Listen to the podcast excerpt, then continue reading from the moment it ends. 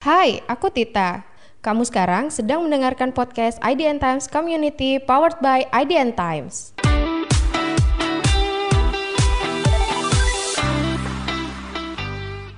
Halo teman-teman pendengar setia podcast IDN Times Community. Seperti biasa, uh, aku tidak akan sendirian. Karena kalau ngomong sendiri tuh rasanya sepi dan membosankan gitu loh, kayak orang gila ngomong sendiri. Nah, biar nggak kayak orang gila gitu, aku akan uh, ditemani sama salah satu editor yang sebenarnya belum cukup lama bergabung dengan kita, tapi uh, aku rasa tuh udah cukup uh, apa worth it gitu, kayak kayak Thor gitu, buat gabung dan mengisi podcast kita kali ini. Uh, siapakah dia? Tunggu dulu sebelum aku spill gitu kan ya siapa namanya. Buat kalian yang sering nulis di kanal uh, ini, kanal yang sering diedit sama editor satu ini, pasti kalian tahu gimana susahnya nembus kanal satu ini. Karena kenapa? Karena banyak banget aturannya gitu, mulai dari sumber yang harus jelas gitu, sumber gambar yang nggak boleh salah, terus habis itu nama dan penulisan uh, tetek bengek yang harus akurat gitu. Kalian juga harus ngerti gimana gercepnya kanal ini gitu. Karena kamu nggak boleh kelewatan satu atau dua jam kalau itu nyangkut soal breaking news gitu. Emang kanal apa sih kok ada breaking news? Emang kanal news bukan, bukan kanal news aja yang ada breaking newsnya ya teman-teman. Jadi di kanal kita kali ini adalah kanal teh gitu, kanal tekno kalau kalian nggak nggak familiar sama tech ini kanal Tekno ini nih um, apa namanya juga ada breaking news gitu. Kenapa? Karena kan kita tahu gadget itu tuh kalau rilis tuh ya suka-suka mereka mau jam berapa kan.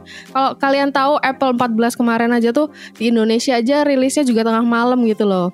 Nah itu dia kenapa ada breaking news di kanal Tekno gitu teman-teman. Nah biar kita bisa enak ngomongin kanal satu ini gitu, aku akan panggil satu editor kita Namanya Kak Kidung. Ayo siapa yang pernah diedit artikelnya sama Kak Kidung? Coba kasih tahu kita. Uh, maka dari itu kita sambut Kak Kidung, perdengarkan suaramu. Halo Kak Kidung. Hai Kak Tita. Hai teman-teman Iya iya. Uh, Kak Kidung gimana nih kabarnya? Baik baik. Baik. baik. Kak Kidung, uh, iya kegiatannya ngapain nih uh, sehari-hari? Aku sehari-hari rebahan sama yang ini tentunya Sama ya. dong. Dan yang ini rebahan, makan, rebahan, makan sama ngedit itu aja. Ih sama idaman gak sih rebahan ngedit makan rebahan ngedit makan gitu. Nah uh, boleh kasih tahu nggak ke pendengar setia kita nih kamu tuh sebenarnya tuh join di IDN Times itu prosesnya kayak apa sih? Kan kan banyak nih yang belum tahu. Kenapa sih tiba-tiba ada editor namanya Kidung gitu? Coba kasih tahu spill dikit gitu loh perjalanan kamu sama IDN Times Community itu kayak apa? Oke. Uh, jadi dulu tuh aku pertama kali join di IDN Times Community itu juga sebagai penulis loh Kak Tita. Wow.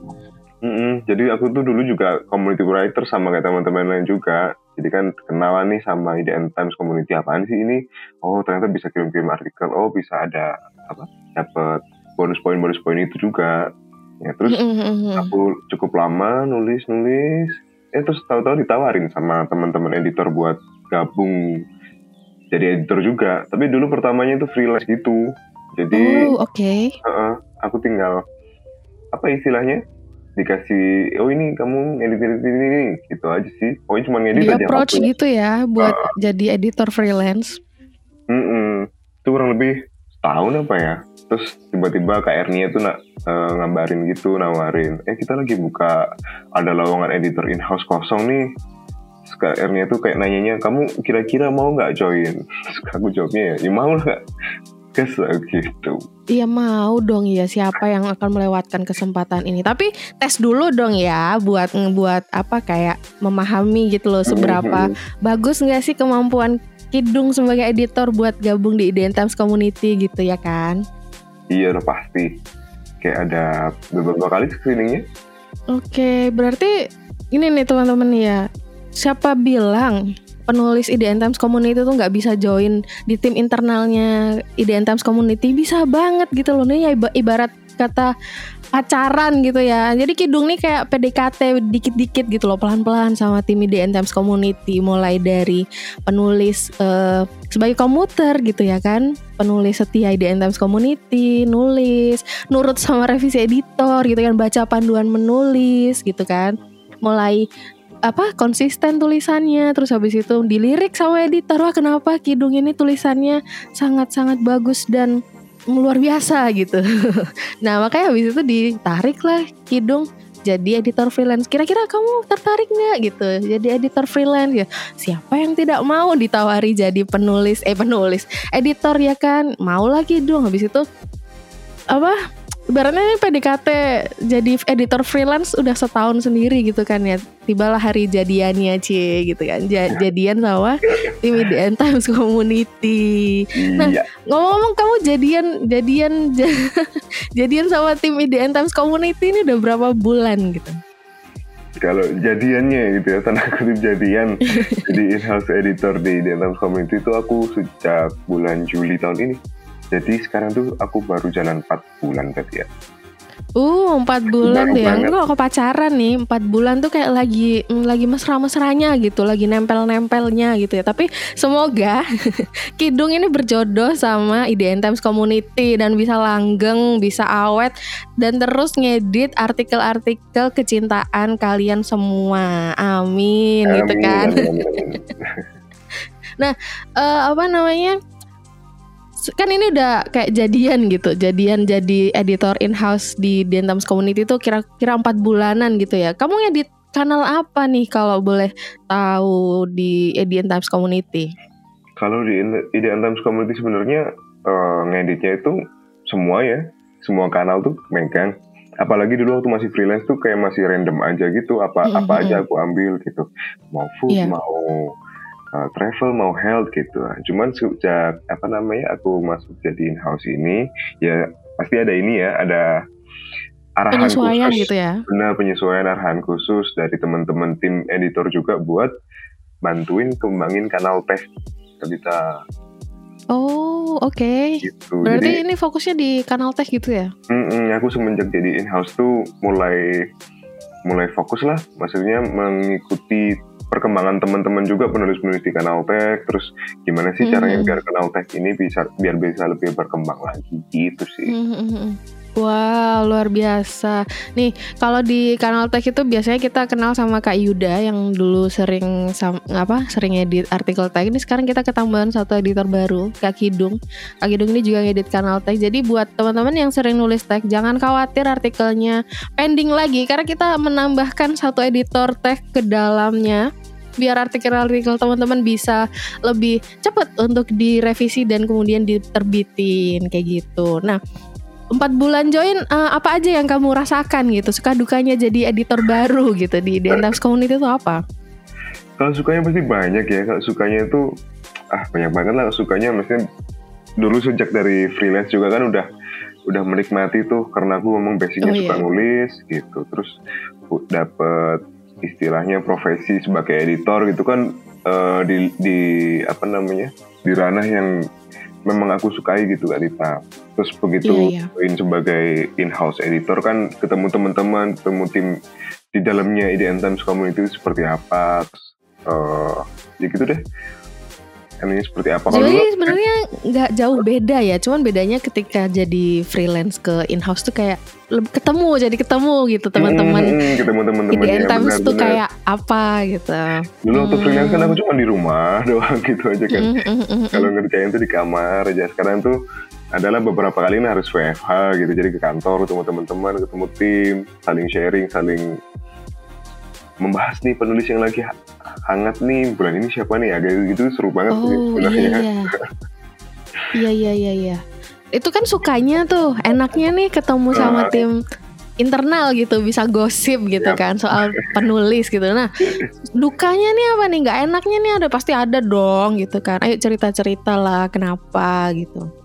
Kalau dukanya sih sebenarnya kalau dibilang duka mungkin akan terkesan ngenes gitu ya tapi kadang suka Iya, iya, gemes oke. gitu Jadi kalau itu tuh kadang-kadang ada beberapa hal yang masih bikin gemes gitu Nah, biasanya Kenapa tuh? itu kalau hal yang bikin gemes adalah ya kalau nerima temen apa tulisan dari artikel teman-teman gitu sih misalnya yang, Yang di kayak apa? di kanal teh juga gitu kan kalau nerima itu misalnya yang apa ya eh formatnya itu masih banyak nggak sesuai kayak gitu-gitu terus misalnya apa eh bandel ya kata dalam kata kutip bandel misalnya direvisi gitu dan kita kasih revisi panjang lebar ternyata setelah dikirim balik tuh tidak ada yang berubah gitu Iya loh, itu itu aku juga penasaran loh. Kayak kita udah capek-capek nulis revisi panjang lebar berharap eh, penulisnya akan Iya. membaca gitu. Ya, ternyata artikel balik ke kita tuh tidak ada perubahan Sama. kan kayak sakit gitu. Sakit banget. Oke, lanjut apa lagi? Itu sih paling paling yang paling bikin gemes itu ya. Oke, ya berarti eh, so far sama kali ya kayak editor-editor Hmm, lainnya heeh. kayak soal penulis kayak apa yang bikin eh, gemes gitu kan. Mhm. Biasanya nih ini denger nih ya biar teman-teman pendengar tuh enggak mengulangi kesalahan yang sama gitu kan. Jadi biar tidak bikin gemes editor gitu. Please deng- dengerin eh, podcast, baca panduan menulis dan yang paling penting adalah revisi dari editor itu dibaca. yes Jangan sampai nggak baca revisi dari editor yang masuk ke notifikasi kalian gitu. Coba dicek di dashboardnya gitu. Pasti ada satu dua artikel kalian yang direvisi tapi kalian mungkin skip gitu, belum baca. Jadi langsung di main submit ulang aja gitu. Nah, ini kita akan fokus ngomongin soal teh gitu. Kan apa namanya? Kamu kan tadi juga udah nemuin beberapa penulis-penulis baru gitu kan ya. Nah, ya biar penulis-penulis baru ini nih bisa fokus nulis soal tekno. Padahal mereka tuh sebenarnya belum ngerti, tapi mereka tahu gitu. Oh, kayaknya kanal tekno ini nih eh, berpotensi gitu. Aku aku berbakat gitu nulis tekno, tapi aku bingung mulainya dari mana. Kira-kira apa aja yang harus diperhatikan sama penulis baru ini kalau mau nulis soal tekno? Oke, pertama yang sebenarnya harus banget diperhatikan sama teman-teman yang mau Mhm. pertama kali menulis gitu ya di kanal tag misalnya khususnya. Pertama adalah membaca. Itu sih sebenarnya Iya sih ini benar. adalah saran Penting yang sih. Mhm. yang jangan general untuk kamu mau menulis apa pun tuh ya memang hal paling dasarnya penulis itu adalah membaca gitu. Jadi eh, ketika punya ide nih, punya ide itu lebih baik adalah baca dulu apa yang bisa aku kembangkan dari ideku ini gitu. Jadi misalnya kalau eh, konteksnya kita masukin ke kanal tag di IDN Times Community gitu misalnya ya, apa yang harus dilakukan pertama itu adalah membaca satu tadi eh, udah dijelasin sama Kak Tita adalah membaca buku panduan kayak gitu kan itu itu mutlak sih itu memang memang harus dilakukan gitu. Karena di buku panduan itu memuat uh, ketentuan penulisan di EDN Times itu seperti apa terus format artikel itu harus seperti apa kayak gitu-gitu. Terus yang kedua itu uh, karena di kanal tech ini banyak banget bahasa-bahasa teknis gitu Kak Tita. Jadi kayak misalnya uh, smartphone atau gamers atau chipset atau dan lain sebagainya gitu kan kalau di tech ini lebih banyak bahasa teknisnya nah kadang teman-teman itu eh, belum ngecek nih mana sih kat- kata-kata yang eh, kata-kata teknis yang masih tergolong bahasa asing mana sih kata-kata Oh. teknis yang eh, yang yang udah masuk di selingkungnya gaya IDN Times gitu misalnya atau bahkan ada beberapa kata asing tuh yang sebenarnya di KBBI sudah sudah termuat gitu. Biasanya termuatnya itu dalam ragam cakapan gitu. Jadi Benar, benar. mm, jadi ada beberapa kata yang sebenarnya ha- masih harus di italik gitu ya atau dimiringkan gitu penulisannya. Ada juga kata kata yang sebenarnya sudah ada di cakapan KBBI atau ada di gaya selingkung IDN Times di mana itu adanya adalah di panduan menulis kita gitu Oke, tapi karena mereka nggak baca gitu, jadinya Iya, mereka menulis hal yang seharusnya bisa diperbaiki gitu. Iya betul banget. Ja- Jadi itu sih kalau teman-teman yang mau into di dunia, ya, sorry kok dunia teks, ya benar sih dunia teks gitu ya. Terus Iya pengen coba, pengen nyoba nulis di kanal teks gitu. Itu sih pertama adalah membaca tadi kemudian memperhatikan bahasa-bahasa teknis gitu. Ini penulisannya seperti apa sih? Ini penulisannya seperti apa sih? Kalau memang di bahasa Indonesia tidak ada, ya kita tulis pakai bahasa aslinya saja, misalnya bahasa Inggris gitu kan, umumnya misalnya mm -hmm. chipset gitu. Mm -hmm. Chipset itu sejauh yang aku tahu memang masih belum ada padanan katanya sih di Indonesia. Yeah, yeah. Jadi ya Tau gak sih ada satu kata yang sering banget ditulis sama penulis tekno Tapi sebenarnya yep. dia tuh ada padan katanya di bahasa Indonesia Tau gak? Gawai Iya betul sekali Nih buat teman-teman yang belum tahu gawai itu bahasa Inggrisnya gadget ya teman. Eh kebalik kebalik gadget itu adalah bahasa Inggrisnya gawai. gawai. nah biasanya ini kayak lima rekomendasi gadget uh, terbaru gitu kan. Padahal sebenarnya bisa lima rekomendasi gawai terbaru. Padahal di padan kata Indonesia itu ada gitu. Tapi mm-hmm. teman-teman penulis baru ini nih biasanya mereka uh, menganggap kalau um, apa namanya gadget itu tidak ada padan katanya dalam bahasa Indonesia. Padahal ada loh teman-teman. Nah biar tahu padan kata Indonesianya apa gitu kan ya baca gitu. Ya, baca panduan menulis baca artikel-artikel lain ya. yang udah apa udah terbit gitu kan ya. Jadi kita bisa tahu oh ternyata ada kosakata baru yang kita tidak mengerti gitu. Terus apa lagi nih kak Tika Kidung? Mm -mm. jadi itu tadi sih kak Tita. Kan udah membaca. Soalnya itu tadi uh, susah-susah gampang sebenarnya mau masuk ke dunia teh ini. Mungkin di awal itu memang agak overwhelming gitu ya. Awalnya tuh kayak overwhelmingnya kenapa itu tadi karena uh, ranahnya oh, itu sebenarnya luas istilah, banget. Istilah itu ya? Bener. Uh, satu itu ranahnya luas banget. Kedua, kadang-kadang mm -hmm. memang ada istilah-istilah yang uh, untuk dibaca pun sulit, apalagi kalau kita mau tulis ulang gitu kasarannya mungkin ya. Iya. Kadang mm -hmm. untuk dibaca pun kita uh, kesulitan mengerti nih, oh, maksudnya apa mm -hmm. sih? Ini itu buat apa sih? Yeah. Ini buat apa sih kayak gitu. Apalagi tulis ulang ya. Itu sih emang bisa didapatkan dengan apa namanya ya? Kalau saya pribadi sih banyak karena banyak membaca aja.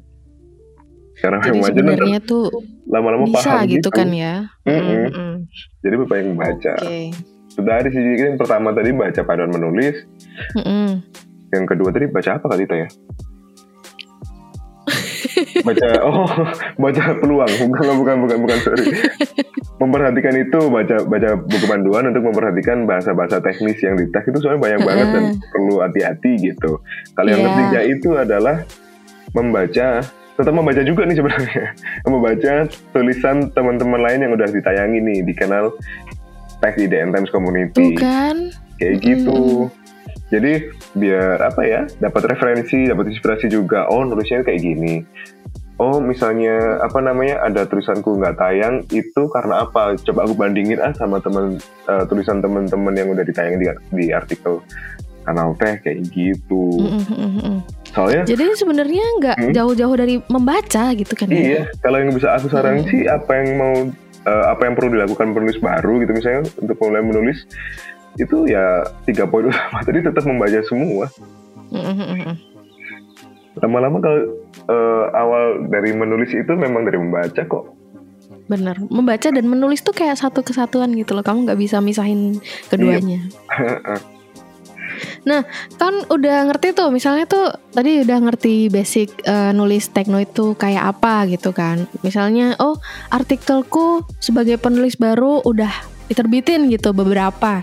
Dan aku pengen banget fokus nulis soal tekno biar aku nggak kalah saing nih kan banyak banget gitu kan penulis baru dan penulis lama apalagi mm-hmm. di DN Times Community yang nulis tekno tuh kan banyak banget sampai kita nambah satu editor nih kan ya gimana mm-hmm. caranya biar um, apa namanya nggak kalah saing gitu tetap uh, kepopuleran kita sebagai penulis tekno gitu tetap di atas gitu dan uh, editor-editor ini tetap ngerti tetap hafal gitu sama yeah, nama yeah. kita gitu apa aja yang harus tetap diperhatikan dan tetap kita pertahankan sebagai penulis tekno? Untuk berarti ini pertanyaan untuk menjaga eksistensi gitu mungkin ya di ya, tengah bisa bisa di tengah deretan penulis lain gitu di Dan Times ya. poetik sekali ya siang-siang iya. gitu. Uh, mungkin apa ya yang bisa aku sarankan adalah mungkin cari karakter dulu deh kayaknya Maksudnya cari karakter, karakter dalam arti gimana tuh? dalam arti tadi kan udah baca nih, udah paham. Mm-mm. Eh, kalau memang mem- membacanya udah diterapkan, membaca panduan, membaca artikel lain, Mm-mm. atau membaca artikel-artikel bahasa asing gitu mungkin ya sebagai bahan referensi, pasti kan Mm-mm. eh, kita akan nemu dong gitu istilahnya kita lebih into itu ke mana sih sebenarnya? Mm-mm. Kita itu lebih apa namanya tertarik itu mau bahas yang mana sih? Karena di kanal teks sendiri kan eh, sub kanalnya juga ada beberapa dah dan lumayan bisa dieksplor juga gitu. Misalnya oh aku ini orangnya geek banget.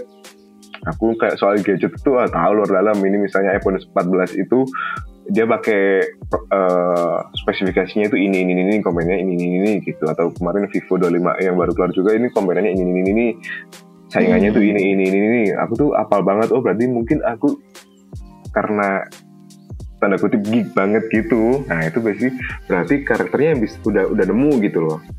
Jadi karakternya udah nemu tinggal fokus aja dulu di situ. Fokus di situ sampai membentuk karakter. Nanti kan dari karakter itu eh, biasanya dari yang biasa terjadi itu kan menemukan konsistensi ya Kak Tita ya Ntar kan lama-lama Mm-mm. dari karakter itu mereka akan konsisten gitu ya dalam pencarian karakter kan Mm-mm. juga mereka akan konsisten gitu nah biasanya tuh kalau dari konsistensi itu akan kelihatan nih oh eh, misalnya penulis ini penulis A ini dia ini emang concern banget di masalah ini gitu jadi kadang tuh aku pribadi akan membabakkan gitu loh istilahnya di kanal teks sendiri Mem- jadi oh membabakkan tuh gimana tuh?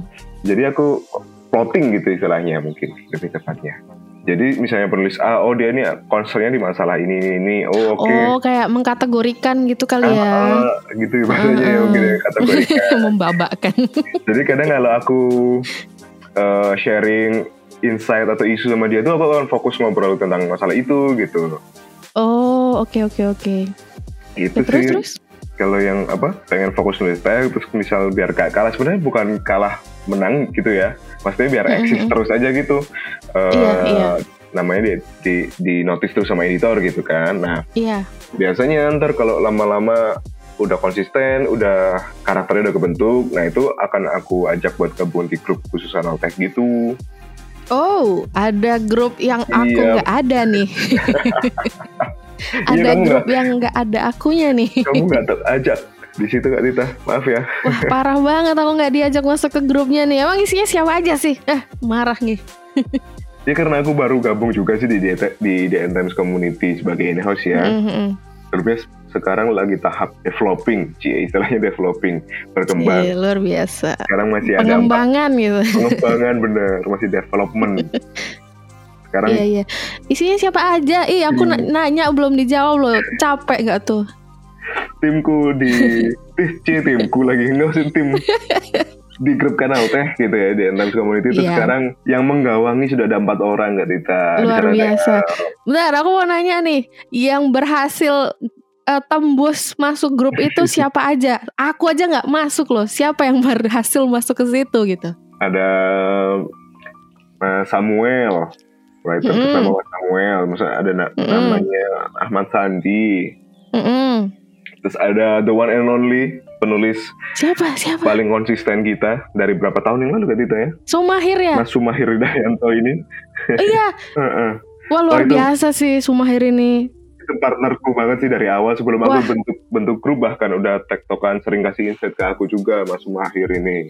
Sumpah. Nah nih ya, shout out, special shout out buat Sumahir. Aku tuh Ya. dulu nulis soal Sumahir, wak- aku ngeliput Sumahir waktu jadi uh, Millennial of the the Month gitu. Ah. Iya, dan uh, luar biasa Su- Sumahir ini selain uh, apa namanya, dia mau belajar gitu, dia mau belajar dan tidak pernah patah semangat ketika artikelnya di reject dan direvisi berkali-kali sama editor.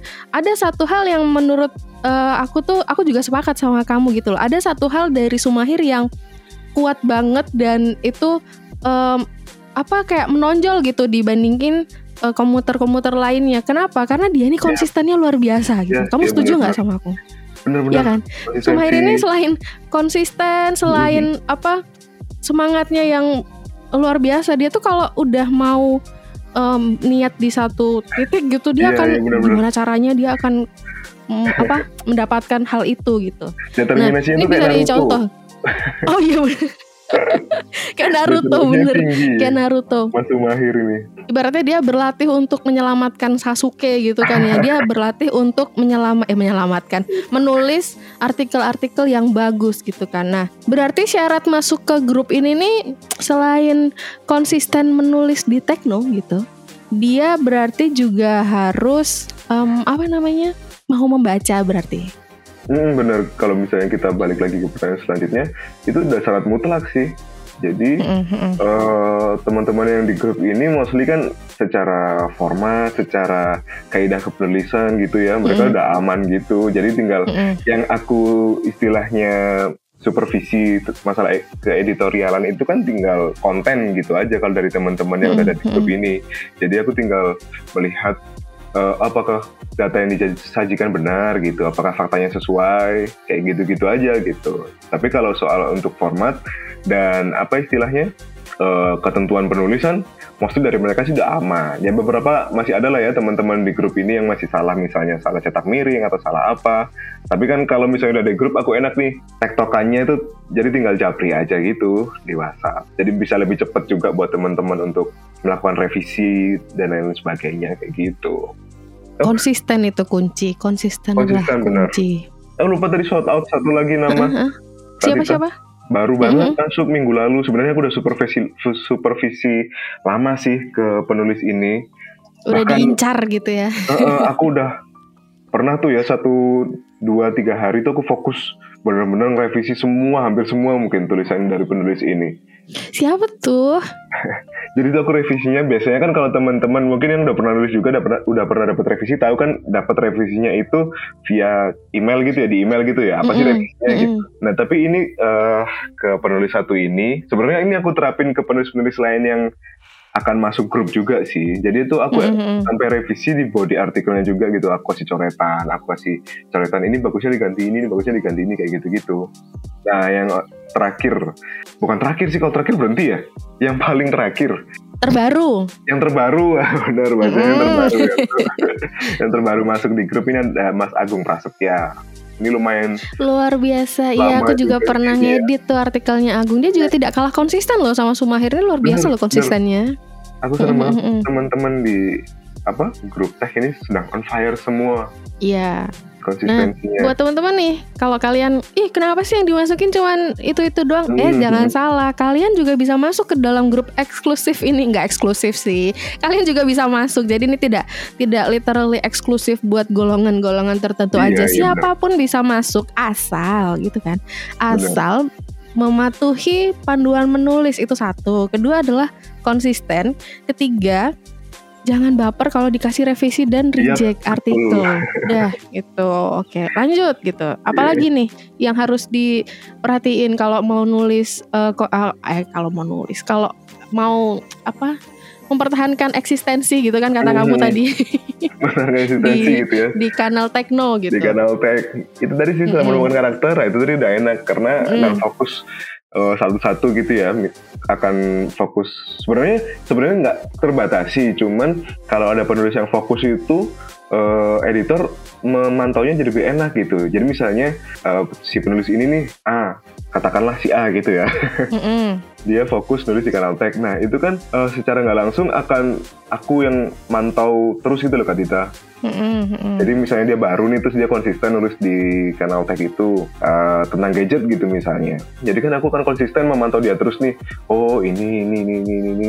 namanya ini. Oh dia dalam seminggu itu biasanya mengirimkan berapa artikel berapa artikel gitu. Nah misal eh, mungkin ini agak tips juga ya. Mungkin kalau penulis baru tuh misalnya di awal-awal sering loncat kanal gitu misalnya ya itu jadi yang yang ngetrack istilahnya yang ngetrack atau yang memantau itu kan jadi ikut loncat-loncat gitu. Jadi misalnya satu penulis A hari ini nulis teh gitu, terus aku yang lihat nih, terus besoknya dia nulis eh, kenal sport misalnya. Nah itu kan udah mas gagah tuh yang lihat editornya mas gagah. Jadi kadang-kadang eh, kita nggak apa ya nggak nggak ajak gitu loh memantaunya gitu.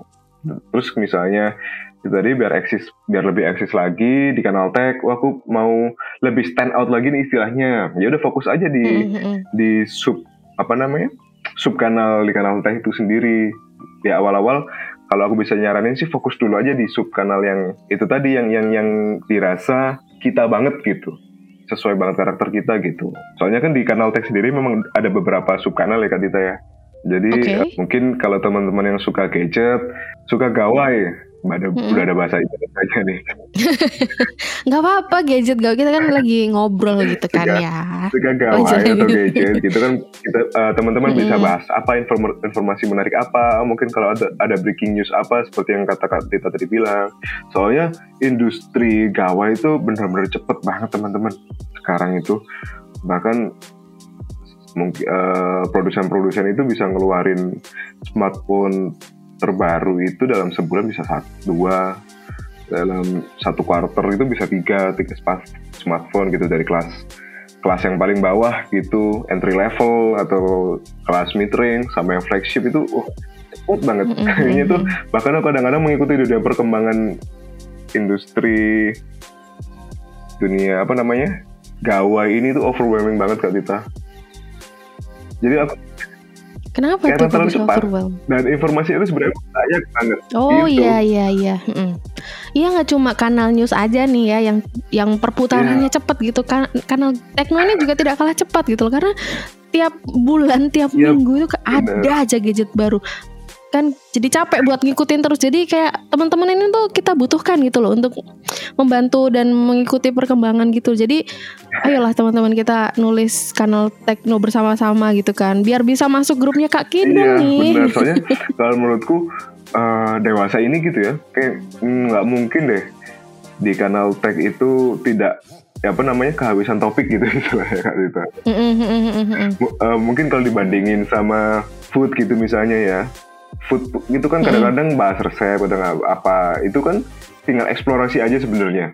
Misalnya resep benar benar. nasi goreng gitu. Tapi kan nasi nasi goreng pasti udah ada yang pernah bikin toh beberapa tahun lalu. Di Dentem sudah ada Iya. pernah bikin. Jadi, Mm-mm, mm-mm. jadi tinggal eksplor aja resep Mm-mm. nasi goreng apa resep nasi goreng apa resep nasi goreng yang gimana Iya. gitu. Nah sebenarnya di kanal tech juga bisa kayak gitu teman-teman kalau mau dianalogiin gitu ya. Bisa bisa. jadi misalnya keunggulan apa sih smartphone yang paling baru? iPhone 4 14 gitu kemarin misalnya ya. Mm-mm. keunggulan iPhone 14 oh udah ada yang nulis keunggulan iPhone 14 nih. Mungkin bisa dicari topik lain. Eh, keunggulan iPhone 14 jika dibandingkan dengan iPhone 13 nah itu kan udah selalu apa? The whole new topic gitu Iya. kan.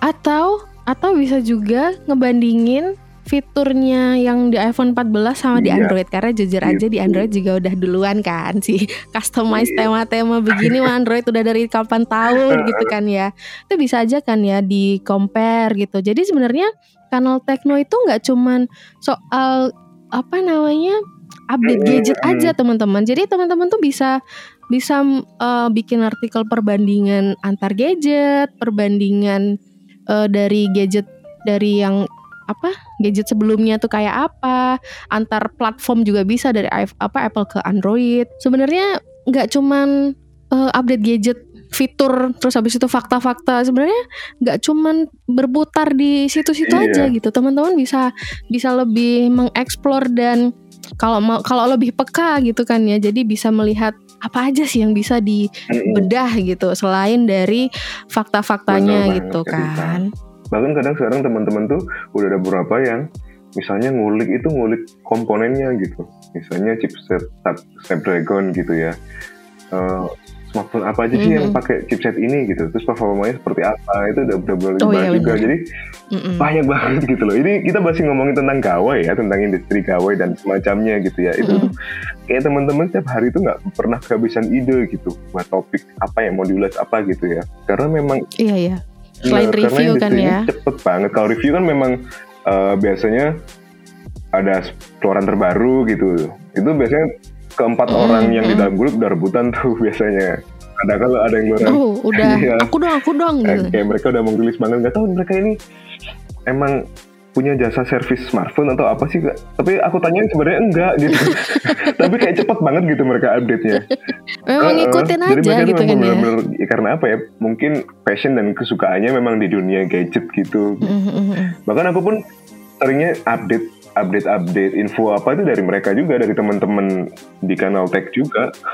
Oh, justru mereka yang lebih Bener. lebih paham, lebih ngerti Bener, soal update-nya gitu kan. Dan aku yakin pun teman-teman di di luar sana gitu teman-teman penulis-penulis apalagi penulis baru juga wah pasti banyak banget yang lebih update daripada aku gitu.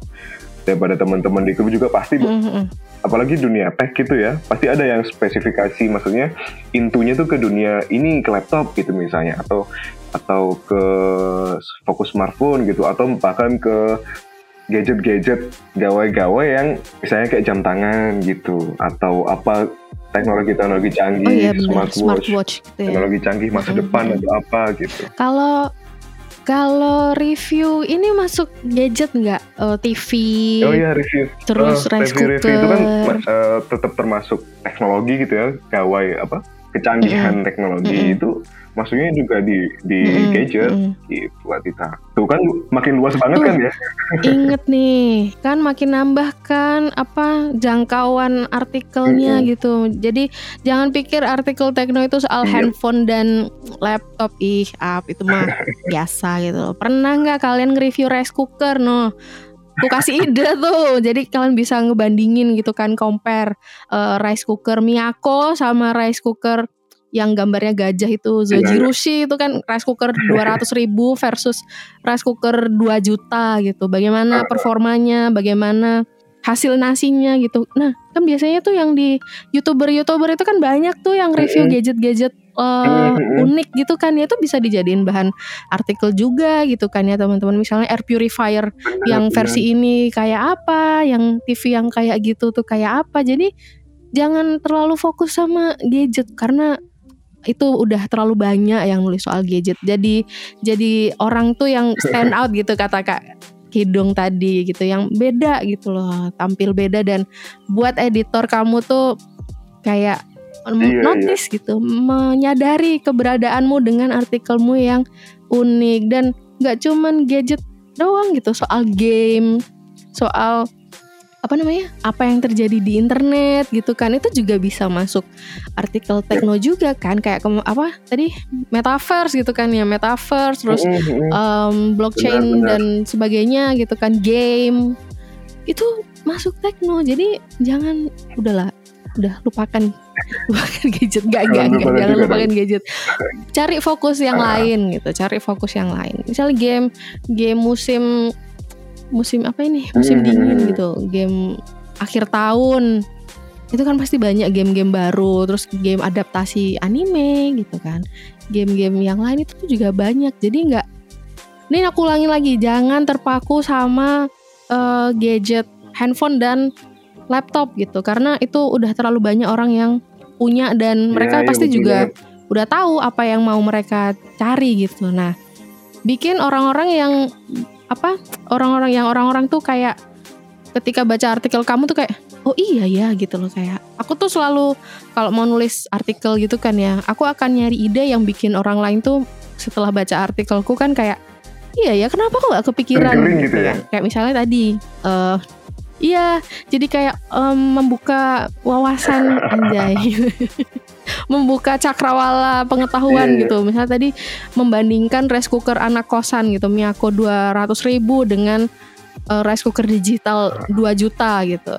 Mana yang lebih eh, worth it untuk dibeli? Tentu saja kalau anak kos pasti yang 200 ribu tapi apakah nasinya sama itu yang belum kita tahu. Makanya kita cari tahu dengan menulis. Yep, gitu kan. betul banget apalagi nih yang bisa dilakukan sama penulis-penulis em, untuk mempertahankan kepopuleran dan yang lebih penting bisa gabung di grup kamu itu nih. sih eh, kamu akan me- melihat penulis yang seperti apa gitu karakternya gitu.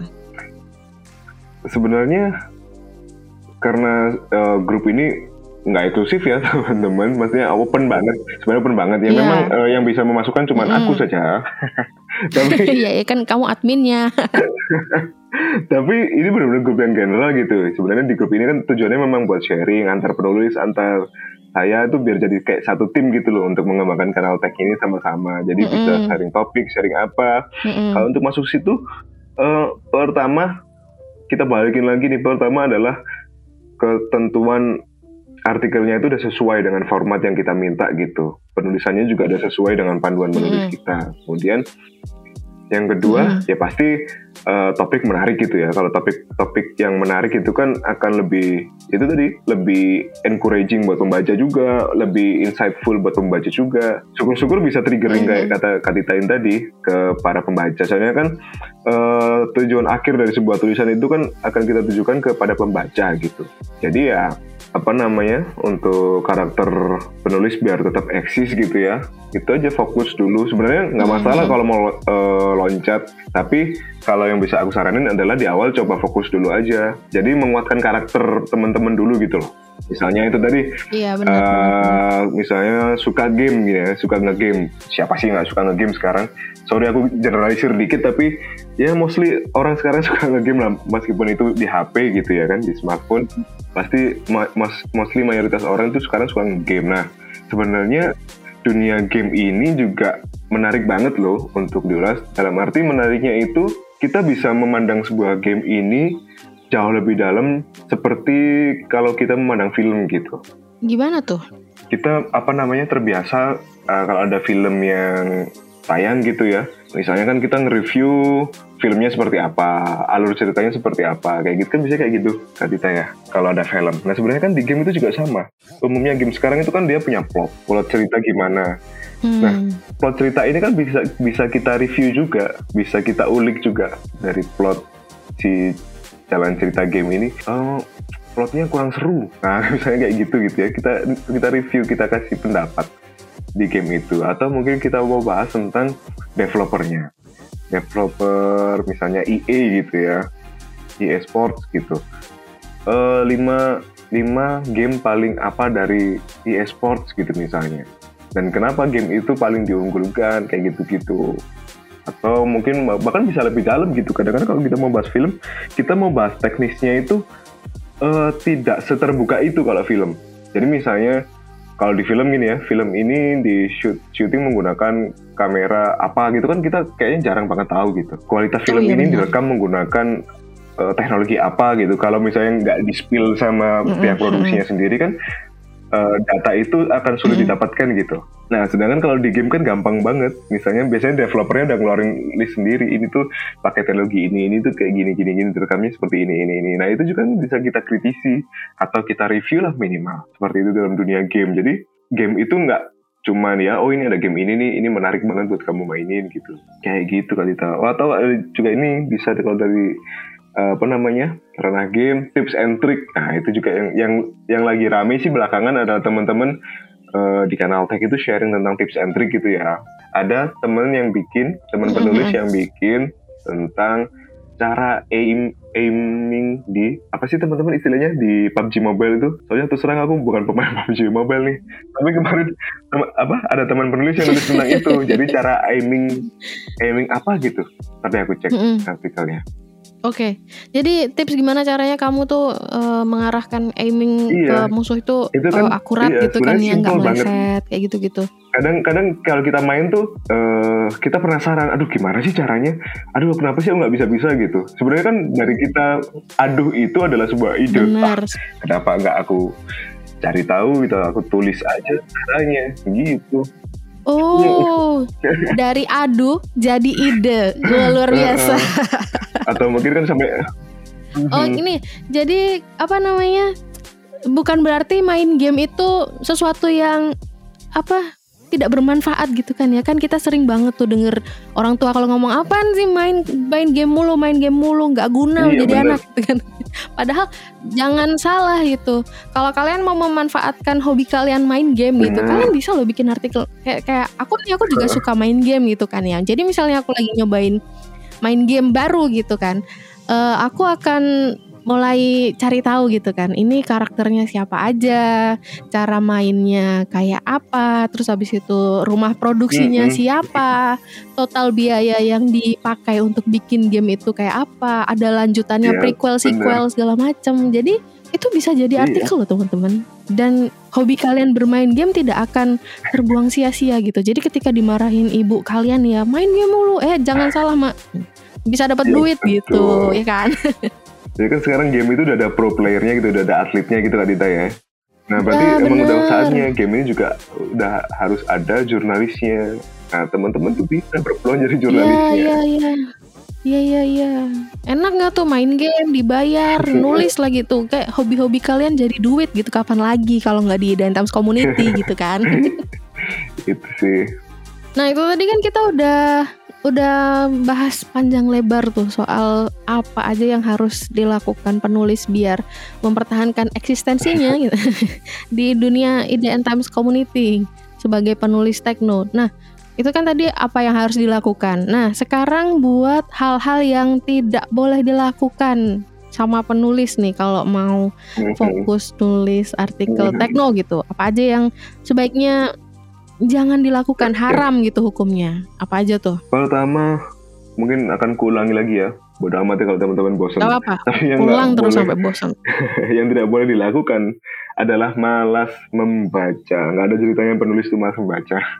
Tuh. Penulis yang bijak itu yang menghabiskan lebih banyak waktunya untuk membaca soalnya Kak Tita daripada menulis. Tuh. Gitu. Jadi misalnya dalam satu jam itu kita mau nulis, berarti eh, 40 menit itu kita habisin waktu membaca sebenarnya. Nulisnya 15 menit aja kayak gitulah analoginya. Itu sih yang pertama yang akan aku terus tekankan juga ke teman-teman. Mm. Mungkin kalau beberapa teman-teman yang udah dapat revisiku, udah dapat revisi dari aku gitu yang ngirim terus aku kirim revisi juga pasti poin pertama seringnya yang aku kasih adalah baca lagi panduan menulis IDM Times Community itu yang seringnya aku sampaikan di poin pertama kalau aku revisi ke teman-teman gitu. Terus yang kedua kalau udah hatam nih membaca terus tentuan format artikelnya juga udah mulai bener gitu ya kan. Terus eh, sumber fotonya juga udah mulai bener gitu. Oh ya, ah, soal sumber foto juga termasuk di panduan menulis juga harus teman-teman baca ya. Kalau di kanal teks sendiri sih eh, untuk fotonya ya mostly sama dengan kanal yang lain. Kalau bisa mengusahakan foto itu sumbernya dari sumber pertama pengunggah foto tersebut gitu. Misalnya kalau eh, review tentang gadget, review tentang laptop itu laptop Lenovo gitu misalnya, ya cari aja fotonya di sumber utama Lenovo. Sebisa mungkin kalau bisa coba dihindari gitu. Misalnya ngambilnya dari situs-situs media asing luar negeri gitu. Soalnya kalau gitu kan kita susah teman-teman nge-track nge-track ini fotonya bersumber dari mana gitu. Takutnya kan eh, ternyata itu foto, foto yang kita gunakan ada foto berbayar gitu.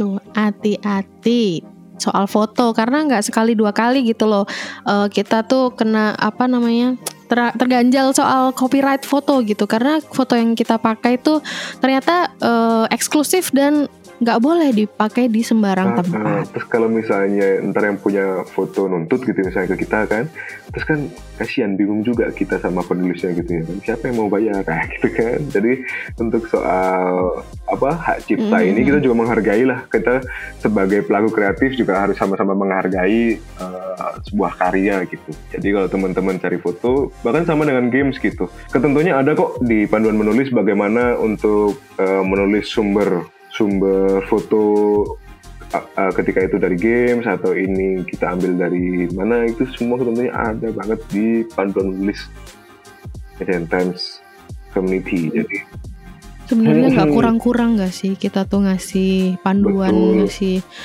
apa bukain jalan gitu loh buat teman-teman penulis baru terutama nih ya kayak Min gimana caranya artikelku tembus Min artikelku tuh udah tiga hari Mm-mm. gitu. Aku udah submit kok belum belum terbit? Min aku udah submit nih kapan terbitnya? Min kapan Min kapan? Kayak aku sering curhatin Mimin gitu loh Iya, soal mm, apa namanya keluhan paling umum yang dialami sama penulis-penulis kita terutama penulis baru.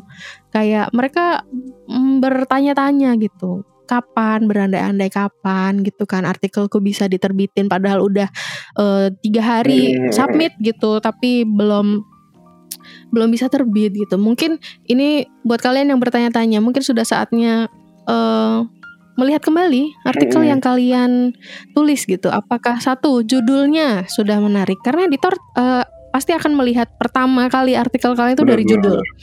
Penulisan judulnya sudah benar atau belum? Penggunaan diksi atau kosakatanya sudah menarik atau belum? Terus kemudian topiknya? Kita Gimana? apa bahas tentang judul tadi kan jangan kan judulnya menarik dulu deh. Kalau judul menarik itu uh, ya subjektif lah ya judul menarik. Kita bahas judul itu udah bener belum ditulis dengan kapital kapitalnya tepat atau enggak. Udah di situ dulu aja. Kalau aku pribadi nih ya di, di Iya. kolom apa editor tuh di, di Mhm. meja redaksi istilahnya cih meja redaksi. Itu kalau baca Cih. udah misalnya nulis di judul yangnya itu y-nya besar aja aku skip deh aku nggak aku lihat lagi serius ini Tuh. Mungkin next time kita bisa bahas kali ya cara-cara nulis iya iya judul yang oke itu kayak apa buat di episode podcast berikut-berikutnya gitu. Tips biar editor tuh eh, tertarik cuman dari satu kali judul Bener. aja. Kalau misalnya men- menarik perhatian editor Identitas Comedy itu sebenarnya gampang teman-teman. Bikin judul yang menarik memang subjektif ya, tapi paling nggak tepat dulu deh penulisannya tepat. Soalnya kadang masih aku sering temuin tuh ya Hmm. di kanal teks juga khususnya. Masa nulis judul eh, huruf hurufnya tidak ada yang kapital, diawali dengan huruf kecil semua kayak gitu. Mm-mm. Kadang ada yang caps lock gitu, Hmm. yang besar semua. Ya mohon maaf kalau yang seperti itu aku Aduh. tidak melihat kontennya langsung gitu. Jadi udah dari udah dari aku lihat judul pun udah aku skip gitu biasanya. Wah ini mungkin belum belum layak kan misalnya seperti itu. Yang penting nulis Ah, benar-benar. Yang penting nulis judulnya minimal Iya. bener aja dulu. Judul aja deh. Kalau isi mah nanti kita bisa eh, belajar bareng-bareng gitu ya kan. Yang penting judulnya eh, oke dulu. Kalian menarik perhatian editor, ngunci perhatiannya editor. Habis itu udah dilanjut bener, gitu bener kan. banget. Masalah isi ntar aja gampang kita belajar bareng. Yang penting judul dan jangan patah semangat ketika artikelmu direvisi atau di reject sama editor karena ketika artikelmu direvisi editor itu justru artikelmu tuh udah dapat perhatiannya editor betul, gitu betul loh. betul. Artikel kamu itu berpotensi untuk diterbitkan dan editor itu percaya kamu punya potensi untuk menulis dengan lebih baik di kemudian hari gitu, di ke depannya gitu kan. Jadi jangan sedih kalau direvisi justru kamu seneng artikel kamu tuh direvisi editor. Wah, aku bisa memperbaiki tulisanku dan habis ini eh, kemungkinan, besar gitu pasti akan diterbitin. betul. Ya kayak tadi nyinggung yang sebelumnya tadi Kak Tita, karena kan setiap hari tuh editor nerima banyak ya ratusan lebih artikel gitu ya kan. Jadi misalnya eh, teman-teman tidak mendapatkan revisi atau reject sama sekali, berarti memang tidak ada editor yang melakukan kerja editorial terhadap eh, artikel yang teman-teman gitu. Iya iya iya, berarti ya emang eh, selain belum beruntung gitu kan ya, mungkin Mm-mm. editor skip juga gitu. Eh, mungkin kamu artikel kamu nggak kebaca Iya. karena itu tadi judulnya juga belum belum oke gitu. Jadi editor kamu ah nulisnya, aduh ntar dulu deh gitu. Mm-mm. Jadi yuk yuk kita belajar nulis judul dengan oke gitu. Minimal judulnya aja sama kayak Kak Kidung tadi bilang. Nah, habis itu apa lagi nih yang nggak boleh dilewatkan gitu, yang harus eh apa? Yang nggak boleh dilakukan gitu Dilakukan. sama penulis. Jadi patah patah semangat sudah ya udah disebutkan Kak Tita ya. Udah Jangan dong, patah semangat nggak itu boleh menyerah. Ah, ah. Mm-mm. apalagi apa namanya belajar menulis itu tidak ada batasan deadline-nya kok katakanlah memang apa eh, tulisan teman-teman belum ada yang bisa ditayangkan di Dance Times Community. Ya kan mungkin masih bisa dilempar ke mana atau mana gitu ya kan. Jadi nggak boleh menyerah. Itu memang apa namanya kunci yang perlu dimiliki oleh seorang penulis. Ya iyalah tapi itu penting banget teman- teman-teman. Dulu eh, saya juga ngawalinnya mulainya juga berkat dari berbagai penolakan dari banyak media gitu eh yang nerima Indian Times Community gitu akhirnya jodoh itu tadi deh kayak gitu tuh nggak boleh patah semangat kalau direvisi Mm-mm. dan di reject kemudian oh ini satu lagi yang penting banget Kak Tita tentang plagiarisme atau plagiat Gimana ini? Ini ini lagi, ini lagi. apalagi Kenapa, kenapa? eh, buat teman-teman yang eh, ngirim artikelnya itu di kanal tag gitu ya. Terus masih melakukan pra- plagiar plagiat aduh gimana sih ngomongnya? Plagiatisme kita ngomong bahasa Indonesia aja deh. Susah banget bahasa Inggrisnya. Plagiatisme kita bisa plagiatisme di kanal tag itu kontradiktif banget teman-teman. Jadi kalian itu percaya dunia teknologi dunia digital tapi kalian tetap melakukan plagiatisme. Nggak nggak analoginya kak Tita jadi kan kayak apa ya kita berusaha ngomong hello sekarang tuh dunia digital udah maju sekali loh. Ketika ketika ada yang melakukan copy paste atau mungkin eh, apa namanya parafrase itu Mm-mm. terdeteksinya sangat mudah hari ini. Kemajuan detail hari ini tuh sangat-sangat mudah. Jadi Iya, kita bisa tahu dan apa namanya nggak nggak harus pakai Mm-mm. plagiarism checker ya kita sebagai Bener, editor aja bener. makin sering kita ngedit apa namanya satu artikel dua artikel apalagi satu penulis tertentu gitu kan Iya. kita jadi makin tahu oh penulis ini nih kita tahu dia plagiat Mm-mm. gitu kita tahu dia eh, Iya, iya, apa iya, bener-bener. secara harfiah gitu itu. kan copy paste dari Google Translate dari artikel bahasa Inggris gitu kita tuh tahu gitu loh dari meskipun judul nah itu satu judul udah lolos gitu kita buka nih artikel kalian. Kok isinya sepertinya mencurigakan gitu kan. Jadi kita tahu jangan salah nih ya Hmm, perhatiin ya teman-teman penulis jangan sampai nih jangan sampai kalian melakukan yang namanya plagiarisme gitu. Karena apa? Selain kalian tidak menghargai tulisan orang yang kalian copy paste yang kalian contek gitu kalian juga tidak menghargai diri kalian sendiri. Karena kalian sendiri melabeli diri kalian sebagai penulis. Tapi kalian itu menyon- mencontek tulisan dari penulis lain gitu. Jadi kayak mempermalukan diri sendiri gitu loh kalau kalian melakukan plagiarisme. Please stop. Daripada plagiat gitu kan. Kan mendingan belajar bareng IDN Times Community gitu loh. Kita belajar bareng ada di grup grup regional juga bisa kan di per apa daerah kalian gitu. Kalian bisa gabung di WhatsApp grup sesuai dengan regional kalian. Kalian bisa diskusi bareng gitu bisa tukar pikiran sesama community writer. Gimana caranya artikel-artikel biar eh, bisa tembus ke meja editor terus juga apa nyimak podcast gitu kan. Ada video-video tutorial di Instagram di TikTok dan panduan menulis artikel juga banyak banget. Nggak kurang kita ngasih kalian panduan eh, untuk ke jalan yang benar gitu, jalan menuju artikel terbit gitu kan. Jadi daripada plagiat, waktunya dihabiskan untuk Iya. plagiat, Iya, mendingan iya, waktunya benar. dihabiskan untuk eh, belajar, belajar menulis artikel yang benar seperti itu. Kamu apa lagi? Ada lagi nih? Apa lagi yang mau disampaikan ke penulis tekno? itu sih ya eh, soal plagiarism sebenarnya udah sering dibahas ya cuman mungkin aku mau menebalkan menebalkan lagi. Kalau teman-teman juga perlu kenal namanya self plagiarism ketika. Jadi self plagiarism itu memang eh, teman-teman tidak melakukan kerja copy paste atau translasi mentah gitu ya dari artikel asing pakai Google Translate terus Google Translate di copy teman-teman memang tidak seperti itu. Teman-teman memang menulis sendiri gitu artikelnya teman-teman. Tapi ada ada genre plagiat plagiasi itu namanya self plagiarism atau mungkin eh, parafrase lah lebih populernya namanya. Nah, parafrase ini adalah kerja, cara kerja di mana teman-teman itu menggunakan apa ya bahasa mudahnya ya, menggunakan template ketika menulis artikel. Jadi misalnya eh, di artikel pertama teman-teman menulis satu kalimat atau dua kalimat yang dua kalimat gitu ya misalnya ya. Kemudian di artikel selanjutnya teman-teman itu menggunakan dua kalimat itu lagi atau lebih kalimat itu, kemudian cuma diganti mungkin eh, nama mereknya misalnya atau diganti jumlah apanya gitu kalau memang me- kalimatnya menyatakan dengan- tentang jumlah gitu. Jadi itu teman-teman perlu hati-hati. Teman-teman itu juga bisa plagiat ke diri sendiri loh. Teman-teman juga bisa plagiat ke karya sendiri. Kadang-kadang memang genre plagiarisme yang cukup membingungkan Mhm. eh, khususnya untuk penulis-penulis baru. Anyway, kita juga ada podcast khusus yang ngebahas self plagiarism tau Oh iya benar benar benar benar benar. Bisa cek di situ lagi ya teman-teman. sama Kak Mm-mm. Gagah. Jadi buat teman-teman yang mungkin belum paham sama maksudnya Kak Kidung ini apa nih self plagiarism ini apa gitu. Kenapa gitu kan.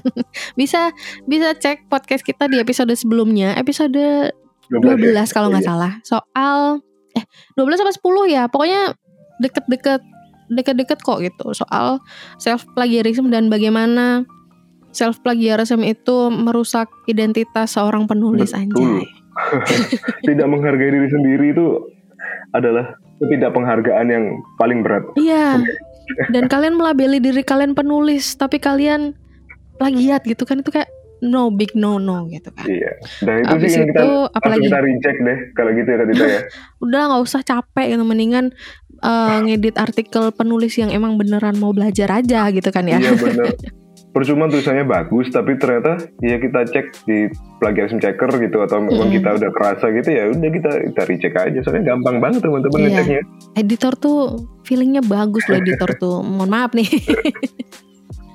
ya udah, oke. Eh, kita udah ngom- panjang lebar luar biasa ini udah hampir satu jam tau Iya, udah nggak ngerti lagi lama banget ya enak banget ngobrolin soal penulis-penulis ini ya kan tapi in a good way gitu kan Iya. ya nah eh, aku akan bikin kesimpulan eh, biar teman-teman juga nggak bingung arah kita eh, episode ini tuh ke mana. Jadi tuh tadi kita habis ngomongin soal cara-cara biar penulis baru ini bisa fokus di tekno itu apa aja gitu kan. Selain selain baca panduan menulis gitu kan penulis-penulis baru ini juga harus eh, lebih peka gitu lebih eh, apa berani mengeksplor tema-tema yang baru gitu. Selain handphone dan laptop karena bisa ada topik game, bisa topik apa gawai yang lain kayak tadi kita ngomongin rice cooker dan TV segala macam gitu kan, kulkas apa pun itu yang elektronik-elektronik gitu kan itu juga masuk gawai gitu kan, masuk gadget. Nah, itu bisa dibahas daripada ngomongin soal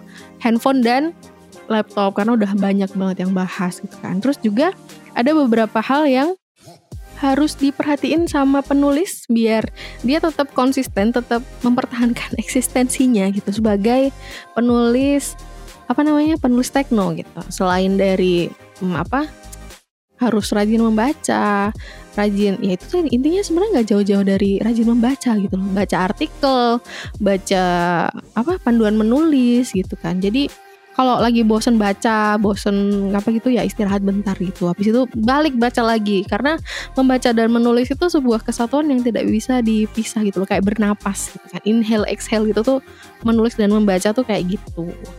Terus juga ada beberapa hal yang nggak boleh dilakukan. Selain apa namanya nggak baca revisi nggak baca panduan menulis harus menghindari yang namanya self plagiarism. Apa itu self plagiarism? Itu bisa dicek di episode sebelumnya sama Kak Gagah kayak gitu. Oke, eh, apalagi yang mau ditambahin nih eh, Kak Kidung buat buat podcast teknol kali ini nih. Ya gitu sih eh, buat teman-teman. Jadi kan kar- karena dunia tech atau dunia digital gitu ya, eh, Mhm. itu berkembangnya udah pesat banget hari ini tuh kan kayak memang 30-50% hidup orang tuh sudah dilakukan via digital gitu. Jadi Mhm. eh, orang-orang kan memang mulai ketergantungan dengan hal digital.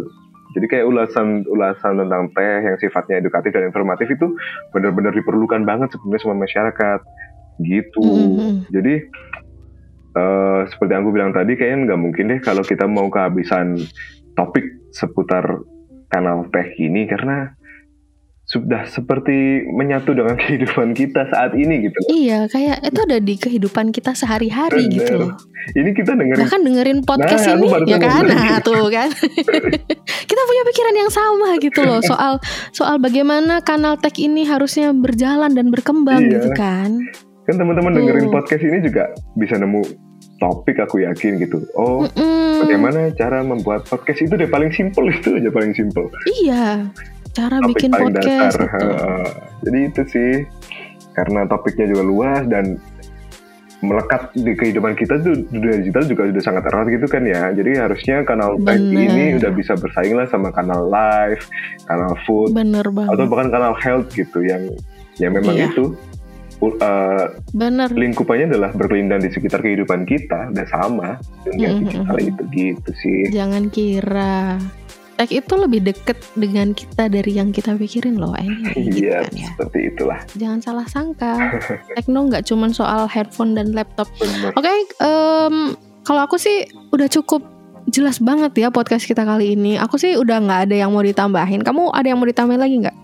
ah cukup sih oh mungkin uh, mau aku aku tambahin uh, paling nggak sampai akhir tahun 2023 ini di grup tech bisa ada 10 orang lah karena sekarang baru 4 nah yuk teman-teman yang lain berebutlah Tuh, eksis tuh, ini grup ini tuh nggak eksklusif kok gitu. Eh, Siapa aja bisa gabung asal asal satu itu tadi mematuhi panduan menulis dengan baik dan benar. Itu minimal itu aja dulu deh ya. Baiklah, kita akhiri dulu. Kita akhiri dulu episode podcast kita kali ini. Sampai jumpa di episode selanjutnya ya. Pokoknya dengerin terus, pantengin terus podcast Community Talk by IDN Times Community. Aku Tita. aku Gidung Kami berdua undur diri. Sampai jumpa. Bye.